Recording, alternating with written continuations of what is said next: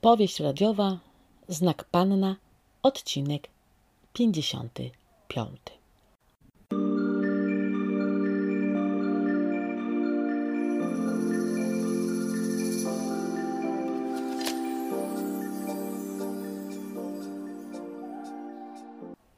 No i po zakupach.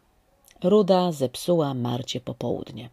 No cóż, widać, nie było jej dane zrelaksować się podczas shoppingu.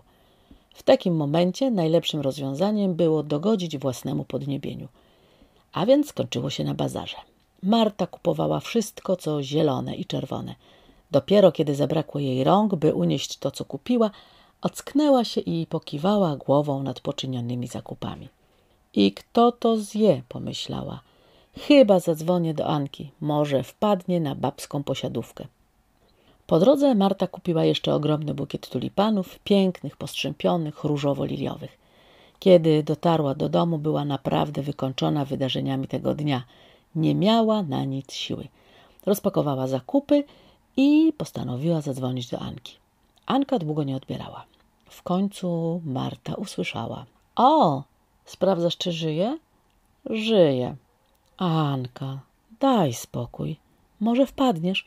Zrobię dobrą sałatkę. Pogadamy. Anka zawahała się, ale czuć było, że foch ją opuszcza. No, ostatecznie dam się zaprosić. Po tych słowach obie parsknęły śmiechem. Jak dobrze, że Anka odpuściła.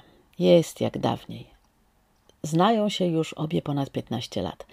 Spotkały się na tajnym kole dziennikarskim na polonistyce – tajnym, bo na ich polonistyce krzyczano tylko, że polonistów nam potrzeba. Władze instytutu nie chciały słyszeć o normalnych zajęciach z warsztatu dziennikarskiego. A więc studenci dogadali się z dziennikarzem lokalnym i spotykali się wieczorami na zajęciach. A to w barze uczelnianym, a to w akademiku, a to w pokojach pracy, a to ostatecznie w pubie. W ten sposób uczyli się pisać, bo przecież poza referatami i nieustannie robionymi prezentacjami nie pisali nic a nic. Polonistyka bez pisania. Nie tak sobie Marta wyobrażała ten kierunek. Była przekonana, że pisać będą nieustannie. Czytali wiele. To fakt. Pamięta, jak rozbroiła ją prowadząca zajęcia z poetyki stosowanej, która podczas interpretacji sentencji wyznała grupie. Nie gniewajcie się, ale ja nigdy nie mogę zrozumieć tych przysłów, powiedzeń, złotych myśli, więc wierzę wam na słowo, że tak jest, jak utrzymujecie w swoich interpretacjach. A więc polonistyka to był tor z przeszkodami. Historia literatury to było sedno tego studiowania. Na szczęście Marta i Anka poznały się na tych tajnych kompletach i potem zaczęły swoją przygodę z pisaniem. Marta wygrała konkurs w gazecie na staż, a Anka uciekła do radia studenckiego i dopiero wtedy poczuły, że czegoś się uczą. Ance, co prawda, miłość do radia przeszła szybko, tak szybko, jak trzeba było uciekać przed adoratorem, który się w niej zadłużył, a był członkiem zespołu radiowego. Marcie pisanie zaś weszło w krew. Do tej pory coś tam skrobie od czasu do czasu i podsyła do różnych redakcji.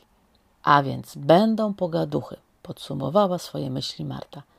No to teraz szybki prysznic, robię sałatkę i koreczki a jednak ten dzień ma szansę dobrze się skończyć.